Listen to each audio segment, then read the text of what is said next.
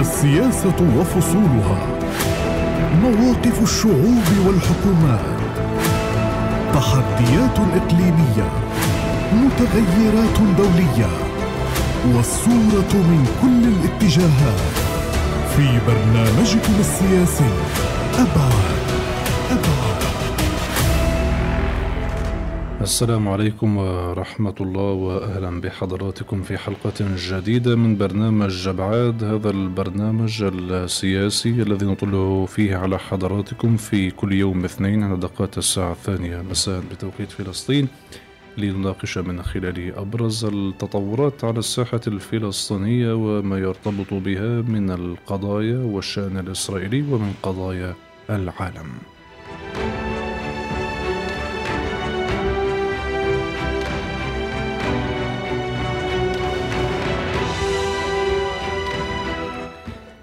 في أبعاد في هذا الأسبوع حديث دائم عن العاصمة الفلسطينية المقدسة عن القدس ومحاولات استهدافها وتهويدها وأسرلتها من خلال الخطوات الإسرائيلية المتسارعة والتي تسابق الزمن.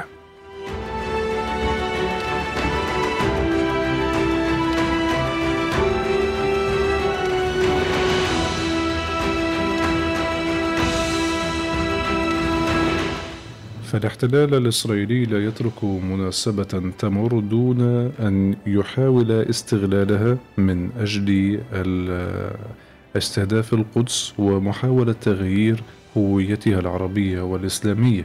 اقتحامات متواصلة ويومية للمسجد الأقصى في مشهد للأسف يبدو أنه بات معتادا. مجموعة من المستوطنين تقدمهم قادة من الجماعات الاستيطانية ووزراء أحيانا كبن جافير وبحماية طبعا من شرطة الاحتلال هذا المشهد يزداد في الأعياد اليهودية التي باتت مرتعا وبرنامجا منظما من أجل تنظيم فعاليات استفزازية لمشاعر المسلمين والمقدسيين في القدس في تغيير لما كانت عليه الأعياد اليهودية حتى في الشريعة اليهودية.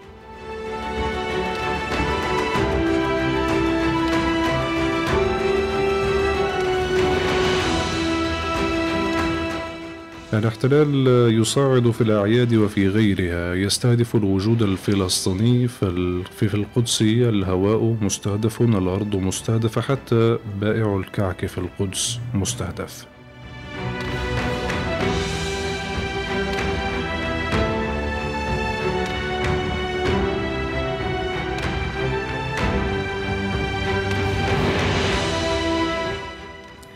كما قلنا القدس تستهدف بشكل يومي حيث أن الاحتلال يصعد من هجمته المستعرة.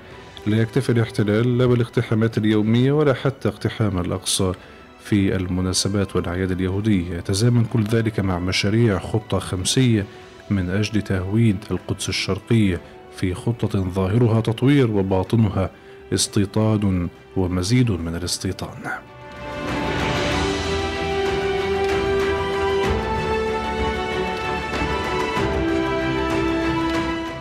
الأمور لا تقف إلى حد وإلى أي حد فالاحتلال أيضا يصعد من مشاريعه الاستيطانية فمؤخرا وخلال الساعات الماضية تم الحديث عن مستوطنتين جديدتين على أراضي الفلسطينيين في القدس قرابة أربعة آلاف وحدة سكنية إسرائيلية آه لمستوطنين جديدة في القدس خلال الفترة القادمة. إذا العمل متوازي على التهويد في كل الجوانب.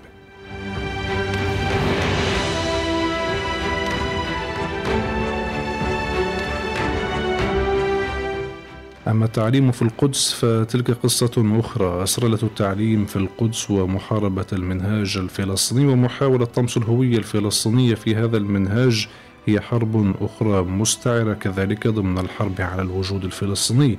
فالاحتلال وجنوده يفتشون الآن حقائب الطلبة المدرسية بحثا عن المنهاج الفلسطيني الذي يبدو أنه بات محظورا مقابل منهاج إسرائيلي يراد له أن يدرس في القدس. مزيف وخال من أي مضامين حقيقية.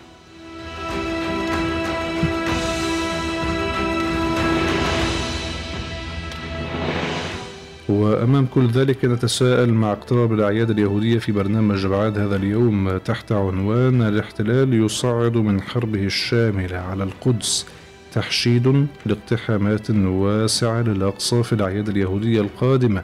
ومشاريع استيطانية وتهويدية جديدة.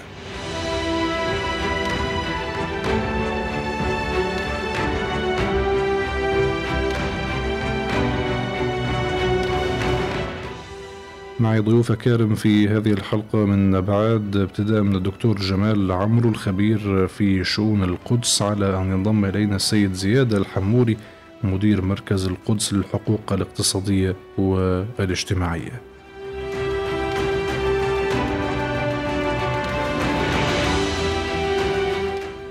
دكتور جمال أبدأ الحوار معه. رحب بك دكتور جمال عمرو الخبير في شؤون القدس الذي انضم إلي عبر الخط الهاتفي مشكورا من القدس المحتلة. دكتور جمال أهلا بك معنا في هذه الحلقة من برنامج أبعاد عبر راديو الشباب من غزة.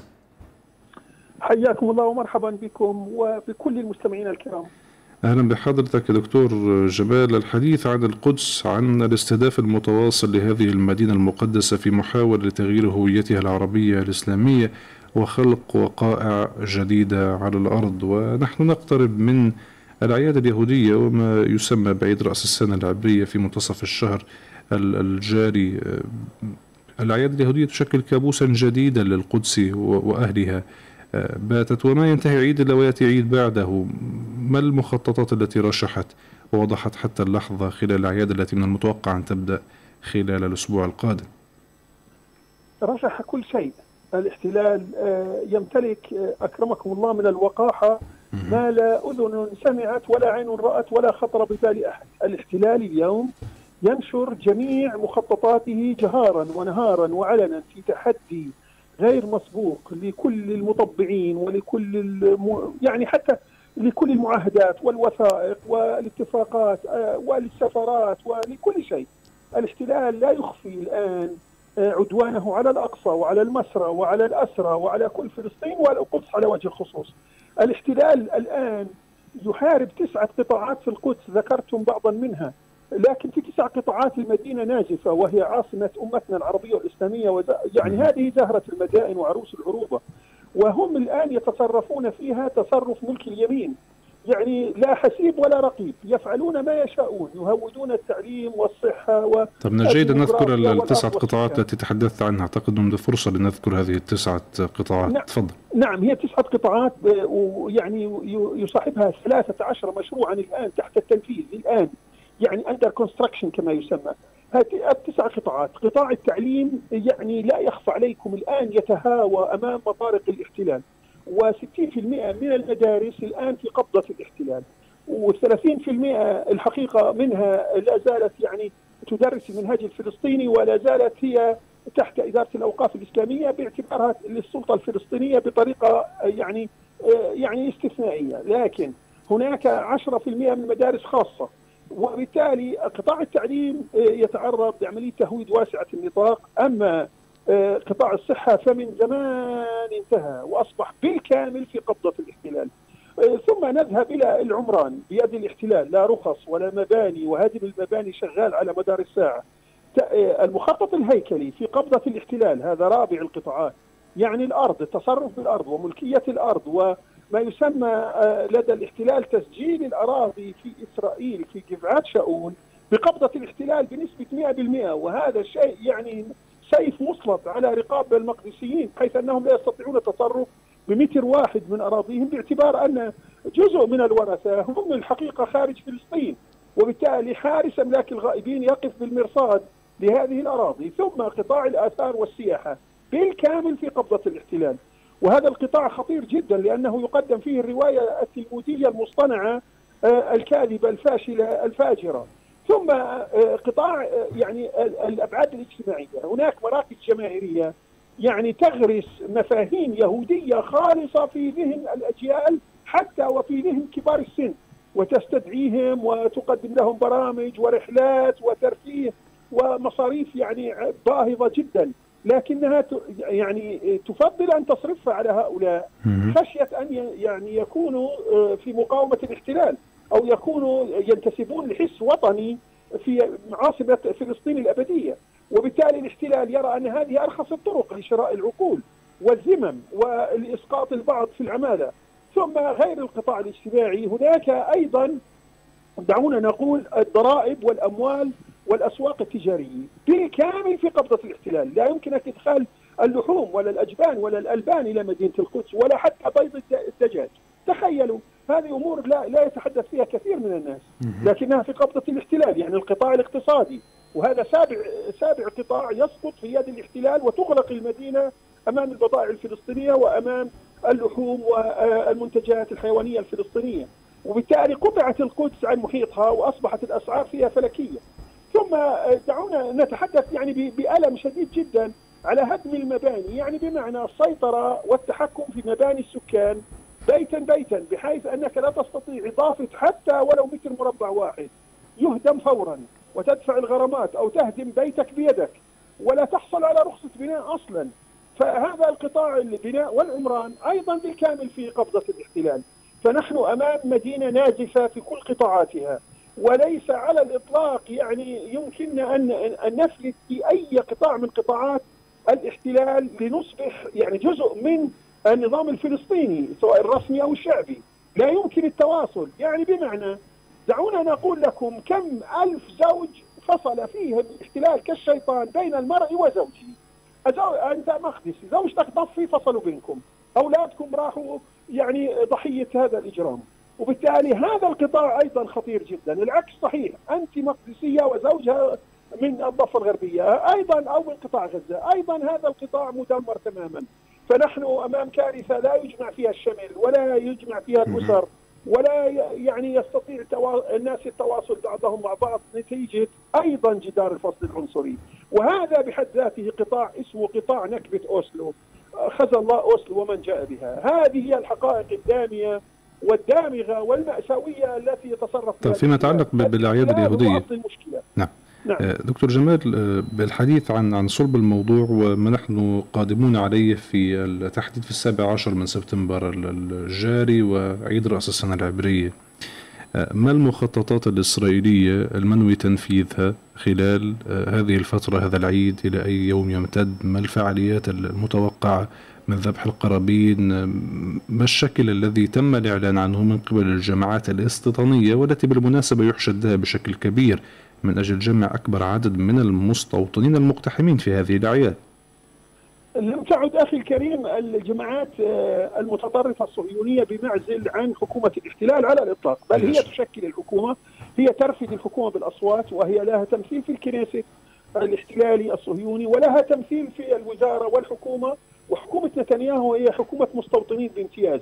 وبالتالي آه، ما تعلن عنه الجماعات هو لسان حال الحكومة تماما.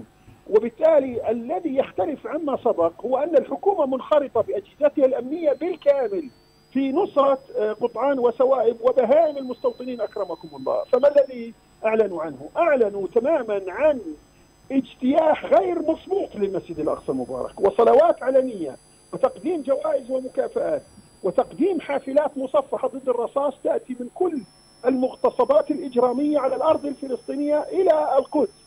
مجانا ويمنح المشاركون فيها وجبة من الطعام ويمنحون شهادات مشاركة في الجرائم والعدوان.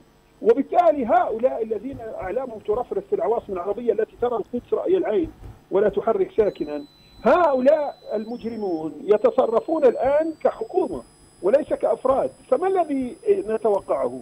يقولون لهم أنتم في حماية آه، آه، الشرطة والأمن والاستخبارات والجيش. أنتم من بيتكم عودة إلى بيتكم محميون يقدمون ذلك في برامج معلنة مع صور هي لا تخفى على المشاهد. الصور مع اللغة العبرية هي صور الأقصى ويعني المناظر والتي نشاهدها تدمي القلب. هي سجود ملحمي أمام باب الناظر باب السلسلة باب المغاربة في باب الرحمة في باب التوبة في باب الأصباط وفي باب حطة وفي باب الغوانم أنت تشاهد مشاهد يندى لها جبين البشرية. قسما بالله الذين عروا نساء الخليل المدينة الأكثر تدينا في فلسطين. هؤلاء قسما بالله تم إعلان حالة الطوارئ القصوى عليهم في المدينة المنورة لما كشفوا فقط حجاب امرأة مسلمة واحدة وتم طردهم وإزالتهم من المدينة المنورة. والآن لا ليس القضية قضية حجاب انحرف قليلا أو كثيرا القضية تعرية نساء الأمة. هذه أمة الحقيقة الآن الآن يعني بدأت تدرك أن أوسلو كارثة وأن 48 كارثة وأن 67 كارثة وأن طيب دكتور جمال الحديث يجب أن يزول. نعم عن هذه المخططات ذبح قرابين إدخال مجموعة من المستوطنين والرقص في الساحات السجود الملحمي. كنت أتابع تقريرا يتعلق بتحول الأعياد اليهودية خلال السنوات السابقة لمساحة ومرتع من أجل خطوات وأفعال استفزازية لمشاعر الفلسطينيين والمسلمين بكل العالم. هكذا من المفترض أن يكون.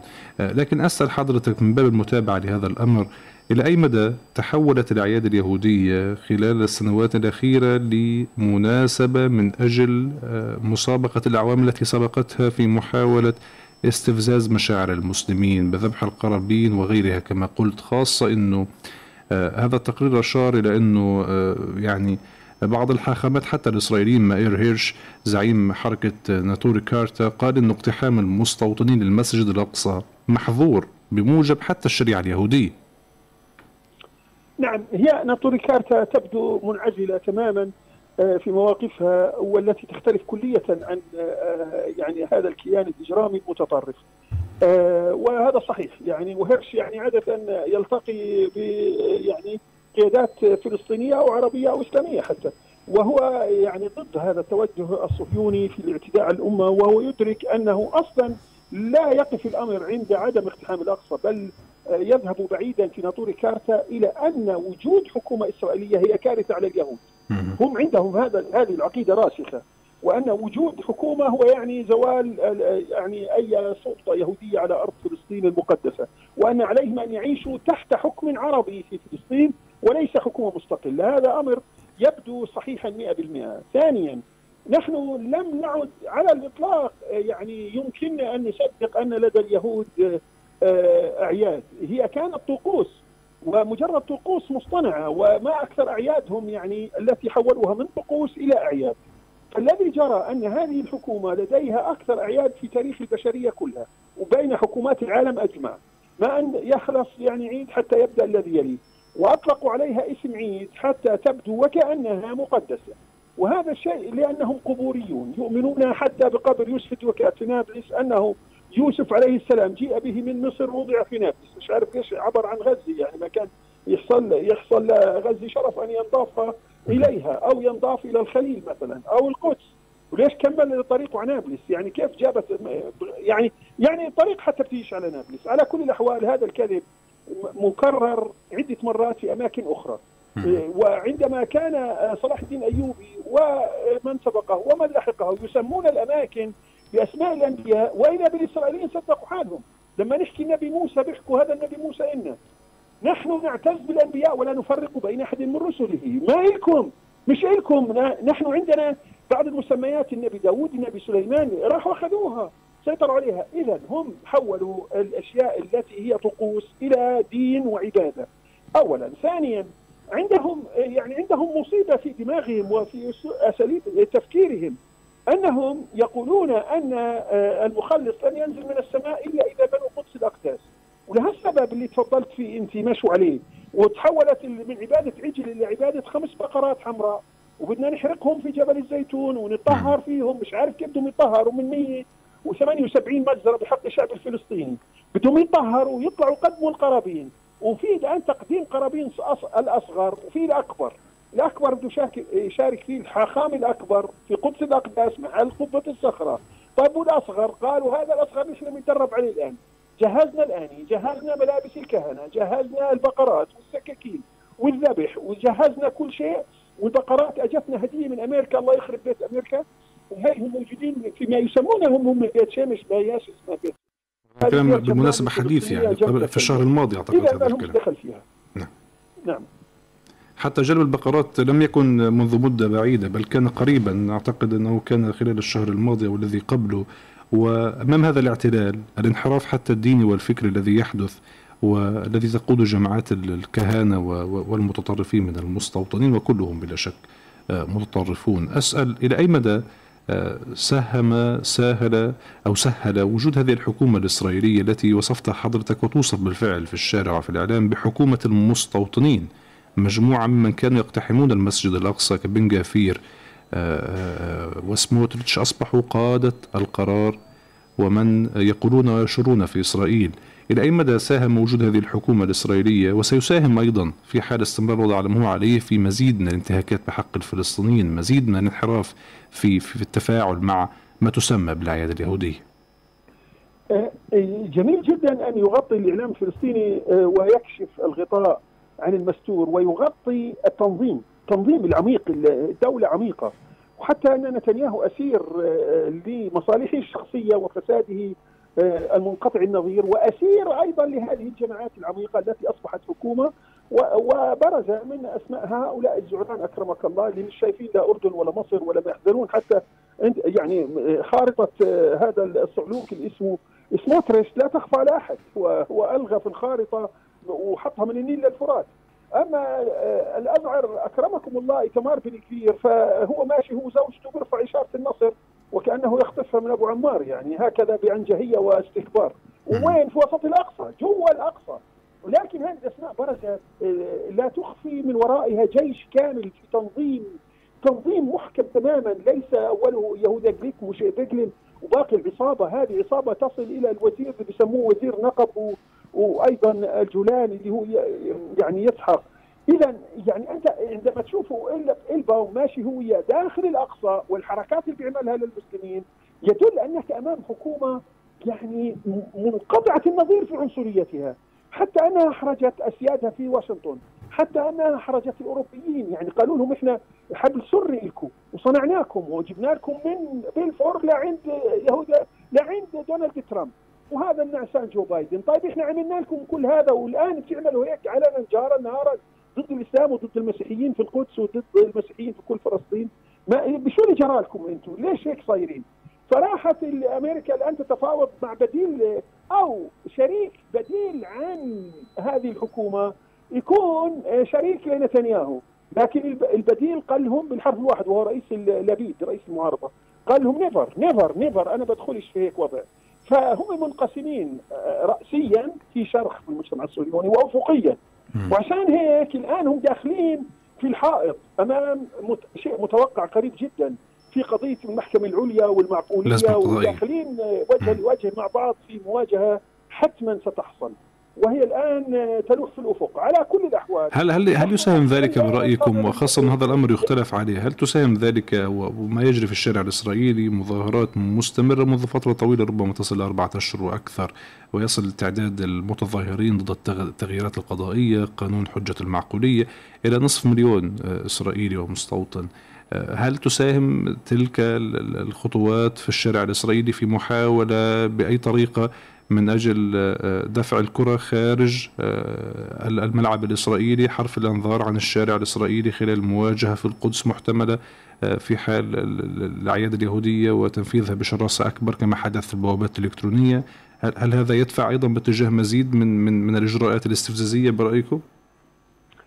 أخي بصدق يعني هناك حاجة حالة تسمى بولاريزيشن هو عملية استقطاب واسعة النطاق عندما تقرأ الخارطة السياسية للمجتمع الإسرائيلي والحزبية تكتشف أن فعلا فعلا وحقيقة أن الانقسام آه، الذي يتهم فيه الشعب الفلسطيني إنه إحنا ما عندناش انقسام، إحنا الدار الواحد فيها فتح وحماس وجهاد ونضال ويسار ويمين ومسيح وإسلام آه، يعني إحنا ما عندنا انقسام. يمكن بعض الرؤوس المتعفنة ما لنا فيها ليست من الشعب الفلسطيني. على كل الأحوال الانقسام الحقيقي هو المجتمع الصهيوني المستجلب إلى فلسطين واللي مش معترف بالأريتريين ولا الأفارقة ولا الفلاشه ولا بيعترف السفاردين مش معترف في الحريدين والحريدين مش معترف في الاشكنازيين هم منقسمين على كل الأحوال. م. عملية الاستقطاب هي أن المستقطبين انتصارا اللي بتظاهر وصلوا فعلا نصف مليون. لصالح المحكمة العدل العليا ولصالح بقاء القوانين كما هي وضد ضد حجة المعقولية. هؤلاء في واد وطبعا مركزهم تل أبيب وانطلاقتهم عادة في تلك المنطقة، لكن في المقابل علينا ان نحذر أن الآخرين يريدون استقطاب أكثر أنصار. فسطوا على التعليم في القدس، سطوا على آه، آه، المقدسات الإسلامية والمسيحية في القدس، بيقوموا بعملية سطو واسع النطاق مخترقين المجتمع في الضفه الغربية التي ينخرها الاستيطان. والشوارع الالتفافية والشوارع الاستيطانيه التي يعني أسقطت أراضي المواطنين في قبضة الاحتلال واستخدمت أوسلو كممسحة. يعني ما هي 60% من أراضي الضفة الغربية هي وفق أوسلو سيئة الذكر. هي أراضي C جيم يعني C يعني يعني الاحتلال اتصرف فيها ملك يمين. وخلاص ما انتقلش من سي إلى باء إلى ألف ولا برة بالعكس. باء منتهك وألف منتهك حتى رأس أبو عمار بيمروا من جنبه يوم الصبح. بالجبات العسكرية أو بيمروا من جنب دار الأخ أبو مازن وبيوصلوا عندنا جامعة بيرزيت فنحن نعيش حالة مأساوية من آه، يعني من الانفلات اليهودي الحيواني أكرمكم الله المتوحش ضد الشعب الفلسطيني في كل أماكن تواجده. فيش شيء محرم الآن. على الإطلاق ما في شيء محرم. وهم الصهاينة فرضوا علينا وفق مخرجات اوسلو سيئة الذكر الملحق الأمني اللي ما بتعتقلوا السلطة هم لازم يعتقلوا. واللي ما بيعتقلوا لازم السلطة مجبرة تعتقله يعني وبعدين ما هي الحكاية؟ يعني هاي الحكاية أمانة لها الاوان أن تزول. بعيدا بعيدا عن عن المستويات نعم. يجب أن نخلص من هذا الوضع بأي ثمن نعم. الاحتلال هو هو اس المشكلة الاحتلال هو سر النكبة الفلسطينية الاحتلال يجب أن يزول ولا نجمله ولا نعمل له مشاريع ترضية على حساب أشراف فلسطين ونرضي الاحتلال ونتعايش مع هذا الوضع القائم اللي هو كل يوم ينتقص من كرامة فلسطين والشعب الفلسطيني ومقدساته واسراه. بعيدا عن عن هذا الواقع لكن حقيقة في في الميدان وفي القدس دائما ما كان هناك نجاحات كبيرة يسطرها المقدسيون بصدورهم العاريه وليس بعيدا عنا بكثير. آه، البوابات الإلكترونية عام 2017 آه، هل هذا الرهان ما زال قائما أن المقدسي قادر يواجه آه، يتحدى بصدره العاري الاحتلال ويجبر على التراجع أم انه تضييقات باتت أكبر؟ مما كان متوقعا من خلال المنع من الدخول للأقصى ومحاولة تنفيذ الأعياد اليهودية بكل الطرق من خلال المنع والإبعاد وما إلى ذلك. في عهد هذا الأزعر أكرمكم الله إتمار بن كبير وشرطته وضباطه وتعزيز اليمين في المنظومة الأمنية والعسكرية والشباب بدا واضحا جدا أن ضربات الاحتلال توجهت للنواة الصلبة للمرابطين والمرابطات للأقصى. ولحراسه وللشرفاء فيه وأنه جرى ترويض العقل آه، آه، يعني القائم على الكثير من المسؤوليات في الأوقاف الإسلامية ويعني أيضا آه، في العلاقات مع الأردن. باعتبار أنهم يسوقون أن الذين يصمدون في الأقصى صمودا أسطوريا في باب الرحمة باب التوبة في البوابات الإلكترونية 2017 وفي الشيخ جراح وفي العيسوي وأيضا في وادي الجرز وعلى بوابات الأقصى الخارجية والداخلية. إنما هم أناس متطرفين من المسلمين لا يسمحون برفع العلم الأردني على الإطلاق ولا يرفعون أيضا في ذات الوقت العلم الفلسطيني وهؤلاء المتطرفين يجب سحقهم. راقت هذه الأمور وعلى ما يبدو أنها بدأت وكأنها تدغدغ عواطف القيادات الرسمية العربية والفلسطينية، هذا أمر صادم جدا. يا جماعة مش معقول هذا الحكي. ويعني هو أصلا يعني العلم بيحتاج لمن يرفعه وهو مرفوع في قلوب الناس وفي وجدانهم وإعلام الدول العربية محط احترام والحي المغاربي لا زالوا الاحتلال بزلزال عنيف بالجرافات الاحتلال المجرم قال بده يروح يطلع المغاربه من تحت الدمار. طب ما أنتم دمرتوا المغاربه في حي المغاربه وتدخلوا عليهم كل يوم من باب المغاربه فبالتالي نحن أخي الكريم نقول وبصدق وبصراحة أنه لا يمكن اطلاقا آه، قياس الأمور بعضها على بعض. الآن يجب رفع الهمه اعلاميا ويعني حتى رفع الهمة معنويا في الإعلام الفلسطيني لرفع أعلى درجات آه، الجهودية لدى المجتمع المقدسي والفلسطيني والعربي آه، خاصة المجتمعات المدنية التي عادة تناصر فلسطين وخاصة الشعب المغربي الشقيق.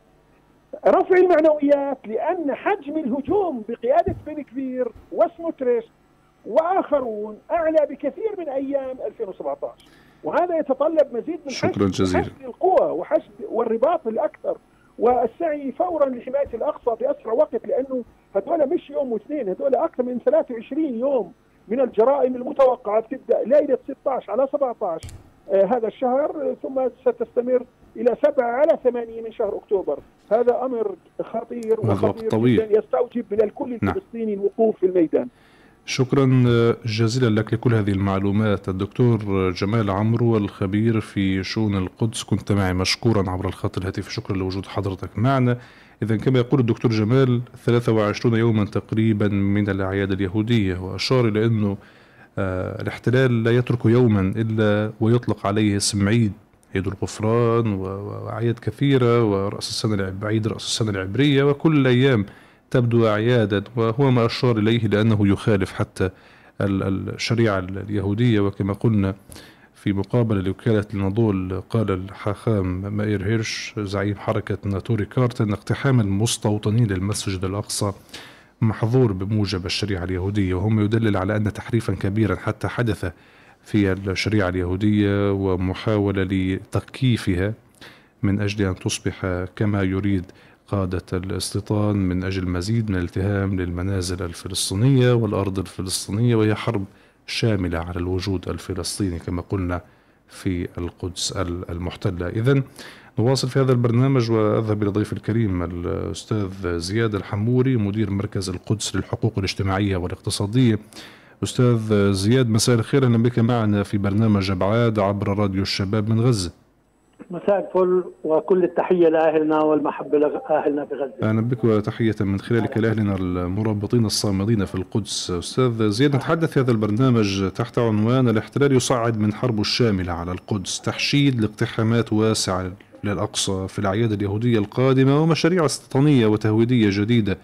نسأل وكان معنا الدكتور جمال عمرو الخبير في شؤون الاستيطان قبل حضرتك وتحدثنا عن الأعياد اليهودية. إلى أي مدى وأنت تراقب هذا المشهد؟ بات مشهد الاستهداف للوجود الفلسطيني في القدس آه، استهدافا واضحا ممنهجا من فوق الطاولة لا من تحتها كما كان في كثير من الأحيان. سليم. هذا هذا حكي سليم. آه طبعا آه الاحتلال عنده برامجه وعنده مخططاته. اللي هي مش جديدة يعني هي من من ال 67 لكن بلشت توضح الأمور بشكل كثير كبير خلال الفترات الماضية يعني خلال الست سبع سنين الأخرانيات بشكل واضح جدا. آه المخططات اللي أعلن عنها واضحة جدا يعني سمى آه مخططات باسم 2020 و2030 و2040 و2050 وكل هاي المخططات يعني أي حدا بيتابع هاي المخططات غير التفاصيل وغير آه، الاستيلاء على الأرض وغير آه، تغيير معالم البلد وغير آه، التهويد وغير السيطرة على المناهج وكل هاي القضايا. لكن في هدف نهائي وأخير عندهم ومعلن معلن في كل مخططاتهم إنه يعني السيطرة على الموضوع الديموغرافي. بمعنى قلب قلب كل المعادلة الديموغرافية في في القدس راسا على عقب. على سبيل المثال إحنا اليوم بنشكل تقريبا آه، من القدس الغربية والقدس الشرقية إحنا بنشكل حوالي 40% إحنا تقريبا 40% هذا حسب حسب إحصائياتهم. آه، طبعا عندنا على أراضي القدس الشرقية اللي احتلت بعد ال 67 في حوالي 200 220 ألف مستوطن. مع العلم إنه يعني قبل ال 67 ما كانش عندنا ولا مستوطن على هاي الأراضي، اليوم عندنا 220 الهدف إنهم يوصلوا هدول ال 220 ل 500000 والفلسطينيين الموجودين اللي هم بتعدوا 320 330 ألف بدهم يبقوا 100000 فالمعادلة بتصير وكأنه إحنا بنصفي في القدس الشرقية ضيوف. 12 12% م. يعني آه بمعنى خسف. لوجودنا بشكل كثير كبير وفي نفس الوقت تواجد آه، مستوطنين ضم مستوطنات اللي حوالين القدس واعتبارها جزء من القدس. لأنه يعني إحنا اللي إحنا عم بنشوفه اليوم أو أي حدا عم بشوفه حتى بدون دراسات وبدون متابعات على الأرض جغرافيا هم قدروا يسيطروا بشكل كبير هم هودوا غيروا معالم البلد ككل. يعني اليوم أنت عم بتشوف مثلا تغييرات في الشوارع الرئيسية بالقدس يعني مثلا آه، المصرارة اللي هي واحدة من واجهات القدس. هناك تغيير لمعالمها يعني خلال السنة أو السنتين القادمات راح تشوف تغيير كلي في آه، في المصرارة يعني الناس ربما, ربما ليس بعيدا عن ذلك آه، سيد زياد. آه، ما ما ربما ليس بعيدا عن ذلك أيضا. ما تحدثت عنه وسائل الاعلام العبريه بالأمس عن بناء مستوطنتين جديدتين بالقدس المحتلة تشملان 3884 وحدة استيطانية واحدة منهم قرب حي رأس العمود. وهذا ما يعني نقطه نقطة اشتباك جديدة بين المقدسيين والمستوطنين. كيف صحيح. يبدو هذا المشهد أيضا فيما يتعلق بالتهام منازل يعني الفلسطينيين ومحاولة صحيح. خنقهم بين مستوطن صحيح. هنا ومستوطن هناك صحيح طبعا يعني للتذكير آه عندنا في آه منطقة منطقة قلنديا بين قوسين عطروت هناك في 10000 وحدة استيطانية راح تنبنى وهذه راح تكون مستعمرة كبيرة يعني بمعنى آه لأنه في لها إضافات حوالي 20000 حوالي كمان 10000 آه وحدة وبالتالي أنت عم تحكي عن مدينة. المدينة هاي راح تفصل آه، القدس عن آه، تواصلها برام الله ومنطقة كفر العقاب وسميراميس آه، المنطقة اللي تفضلت حضرتك فيها منطقة سميراميس منطقة راس العمود. منطقة راس العمود في مستوطنة هناك موجودة. هذه واضح جدا إنهم راح يكبروا هدول المستوطنات اللي موجودين بهذيك المنطقة. أو حوالين هاي المنطقة. طبعا هناك مقابر آه، واسعة في هذيك المنطقة مقابر يهودية واسعة واللي هدول المستوطنة الموجودة والمستوطنة اللي بدهم يبنوها والمقابر اليوم عم بحضروا لها منطقة وادي الجوز وطرق من منطقة وادي الجوز. يعني عندنا في منطقة وادي الجوز مثلا في مشروع اسمه وادي السيليكون. فائق الذكاء. اللي هذا راح يغير كل معالم منطقة القديم. وادي الجوز. وراح يكون هناك طريق بحدود ال 20 ل 30 متر. هاي لخدمة المستوطنين لخدمة المنطقة اللي تفضلت حضرتك وذكرتها منطقة راس العمود. وهم بربطوا كل الأمور في بعض. كل الأمور بربطوها في بعض. حلقات متكاملة لخدمة المستوطنات والمستوطنين على حساب طبعا المقدسيين. يعني من شان يبنوا هذا وادي السيليكون راح يهدموا تقريبا آه، حوالي 100 120 محل آه، في منطقة وادي الجوز وراح يغيروا كل المعالم راح يبنوا عمارات آه، شاهقة بعشرات الطوابق راح حوالي تكون 250 ألف متر مربع. راح يكون في هاي تك كذا إلى آخره. والأهم أن نقيل في هذا المشروع. نعم. الأهم أن نقيل في هذا المشروع في التسويق له أنه ضمن مشاريع التطوير وأن هذه المنطقة فيها كثير من محلات وكراجات السيارات والصيانة وأنه محاولة من أجلها لجعلها منطقة فائقة الذكاء. وكأن الذكاء والصناعة والجمال يأتي على حساب الفلسطينيين. وفي هذا السياق أسأل لأي مدى حتى بحديثنا عن خطة خمسية للاحتلال آه، ظاهرها تطوير وباطنها استيطان معمق.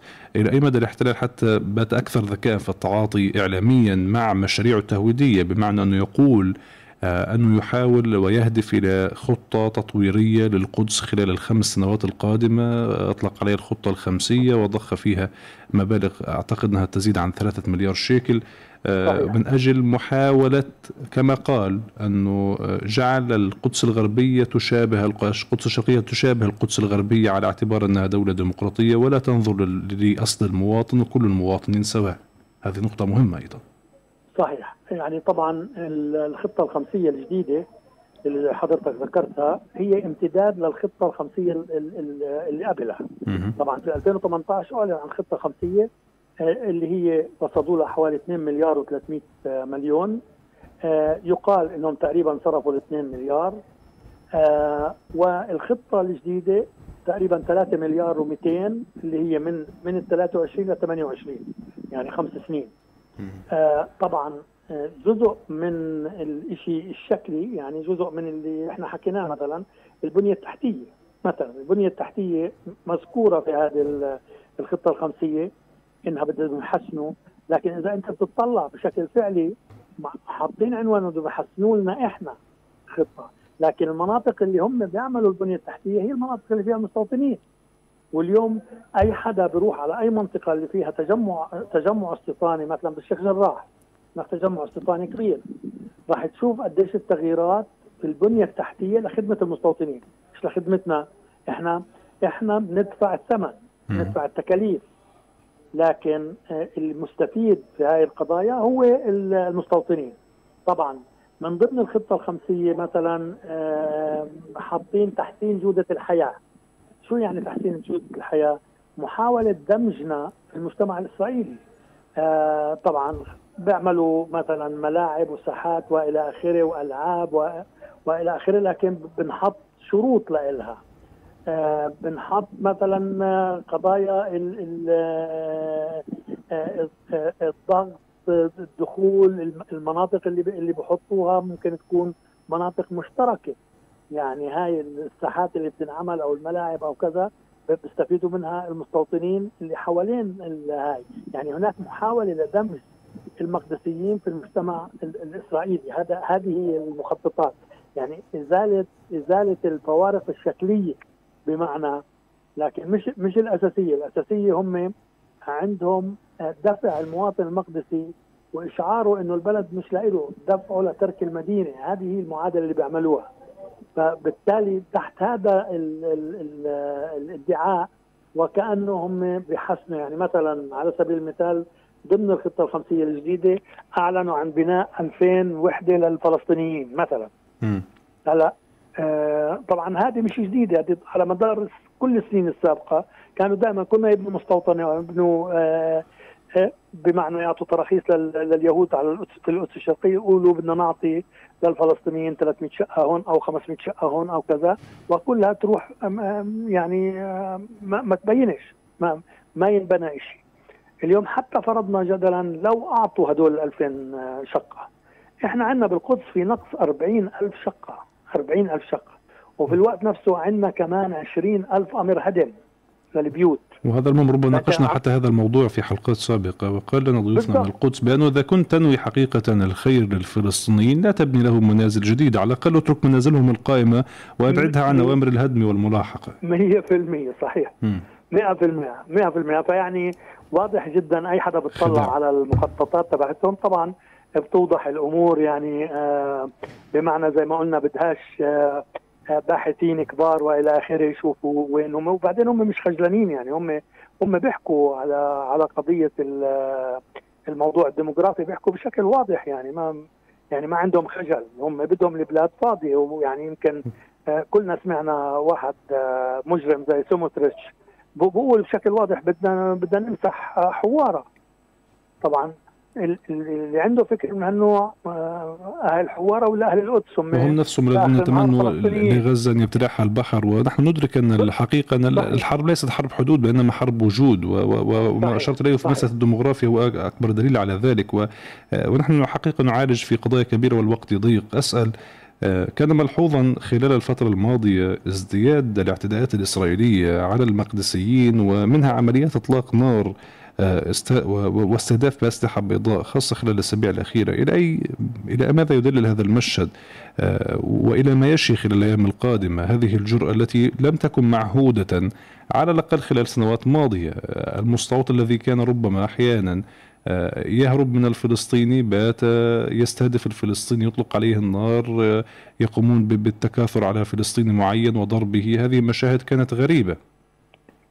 صحيح بس اليوم اليوم يعني في شيء في قوننة هذا هاي الاعتداءات. يعني إذا أنت بتلاحظ اليوم مثلا موضوع بن كثير لما بيعلن إنه بده ميليشيا.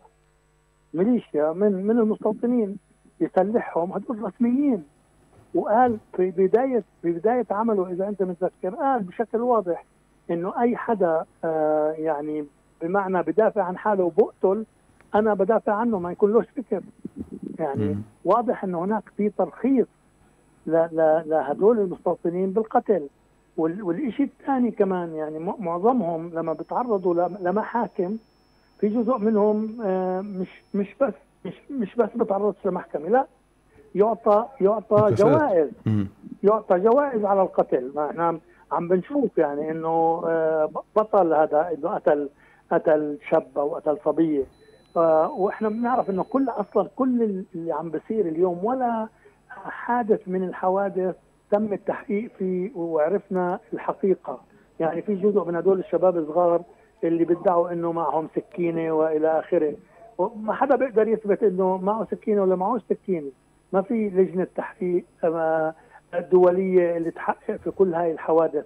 يعني حتى اليوم إحنا ما عندنا ولا رواية حقيقية اللي إحنا بنقدر نسند عليها. وهذا طبعا لأنه إسرائيل معتبرة حالها فوق القانون والأمم المتحدة والمؤسسات الدولية ما بيقدر يجي على إسرائيل وتعمل تحقيقات زي ما بتعمل ببقيه الدول. وإذا أرادت أن تفعل ذلك فإنها تقابل بالرفض كما حدث مع أمنستي في التحقيق في جرائم الاحتلال.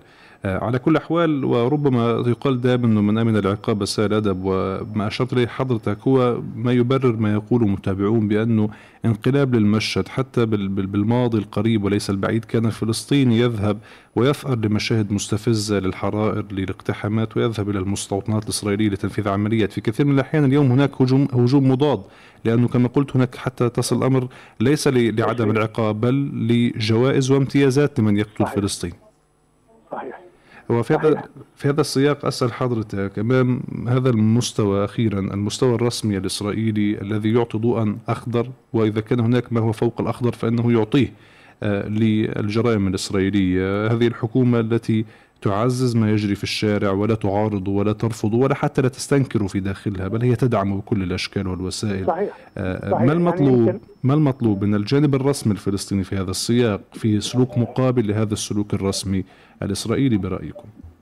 هناك ضعف ضعف آه، كبير جدا في الموقف الرسمي الفلسطيني هناك إجراءات اللي اللي كان ممكن تؤخذ على المستوى الدولي آه، لكن كان في تهديد من قبل الجانب الإسرائيلي للفلسطينيين وعشان هيك صار في ضغط وفي تراجع ولا كان في إمكانية إنه يتخذ بعض الإجراءات ضد ضد الإسرائيليين على المستوى الدولي ومستوى الهيئات الرسمية الدولية آه، اللي لها لها علاقة بقضايا حقوق الإنسان. يعني على سبيل المثال إحنا عندنا مثلا بال 2004 2004 كان في رأي استشاري رائع جدا. كان في عندنا جولدستون مثلا تقرير جولدستون اللي له علاقة بغزة وبال وبجرائم الحرب اللي ارتكبت بغزة التراجع كان من عندنا يعني.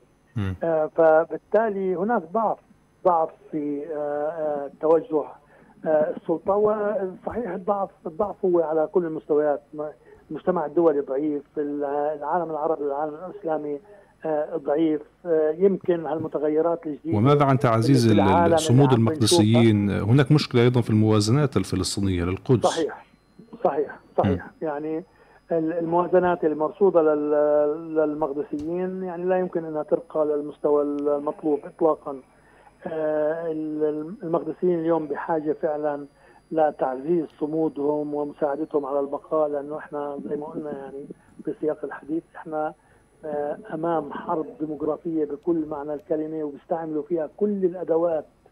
يعني أدوات اللي زي ما تفضلت حضرتك في التعبير فوق الطاولة وتحت الطاولة فوق القانون وتحت القانون يعني الهدم الموضوع الاقتصادي القتل الاعتقالات المناهج كل كل شيء بيتعلق بتفاصيل حياتنا. هم عم بيضغطوا علينا باتجاه التهجير. فبالتالي المطلوب من العالم العربي والعالم الإسلامي إذا يعني عندهم أي اهتمام بقي في في القدس إنهم يساعدوا المقدسيين على البقاء بالقدس لأنه هذه الطريقة الوحيدة لإفشال باقي مخططات آه، الاحتلال. وهي حرب الوجود وليست حرب حدود أو اقتسامات بل صحيح. الاحتلال يسعى لشطب الوجود الفلسطيني وتغيير الهوية العربية والإسلامية للقدس. شكرا لحضرتك السيد زياد الحموري مدير مركز القدس للحقوق الاجتماعية والاقتصادية. شرفتنا في هذا الحوار من برنامج أبعد.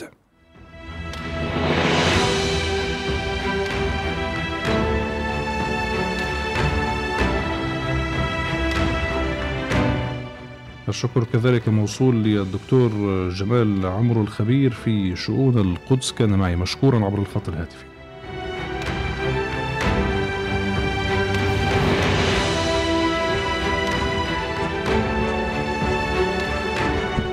إذا كما يؤكد ضيوفي الحرب في القدس ليست حربا على ابتسامات معينة على آه، مساحات وأماكن شرقية أو غربية. الحرب على اجتثاث اقتلاع الوجود الفلسطيني من كل القدس بشرقيها بغربية وأشار ربما السيد زياد إلى أرقام كبيرة فيما يتعلق حتى بالقدس الشرقية التي يتعاظم بها الاستيطان. وهناك محاولة لإيصال عدد المستوطنين فيها إلى نصف مليون بمعنى وأن يصبح المقدسيون البالغ تعدادهم 300 ألف بحسب قوله إلى 100 ألف. وبالتالي الاحتلال ماض في مخططاته الاستيطانية وماض في تهويده للقدس ومحاولة لجعل الفلسطيني أقلية في أرضه التي ورثها أبا عن جد والتي قدم من أجلها دماء تسيل حتى هذا اليوم منذ عام 48 دماء زكية تعطر الأرض المقدسية والأرض الفلسطينية بشكل عام وهو ما يستدعي وقفة جادة عاجلة من المستويات الرسمية التي أشار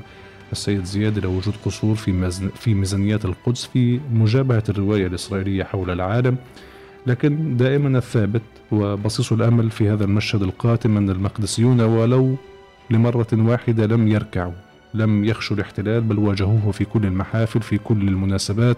في هبة النفق في البوابات الإلكترونية في الانتفاضتين وبالتالي المقدسي العاري يواجه المخرز الإسرائيلي بكفه بكفه الفارغ لأنه متمسك ومتجذر بأرضه.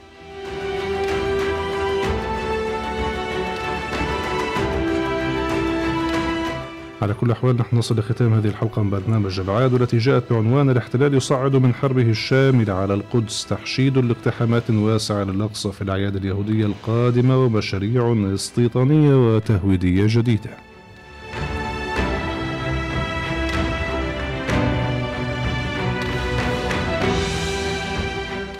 شكرا لكم على متابعة هذه الحلقة. من الآمل أن نلتقي دائما على خير. إنما سمعتم هذا الصوت دمتم في أمان الله وحفظه. السلام عليكم ورحمة الله. السياسة وفصولها. مواقف الشعوب والحكومات. تحديات إقليمية. متغيرات دولية. والصورة من كل الاتجاهات.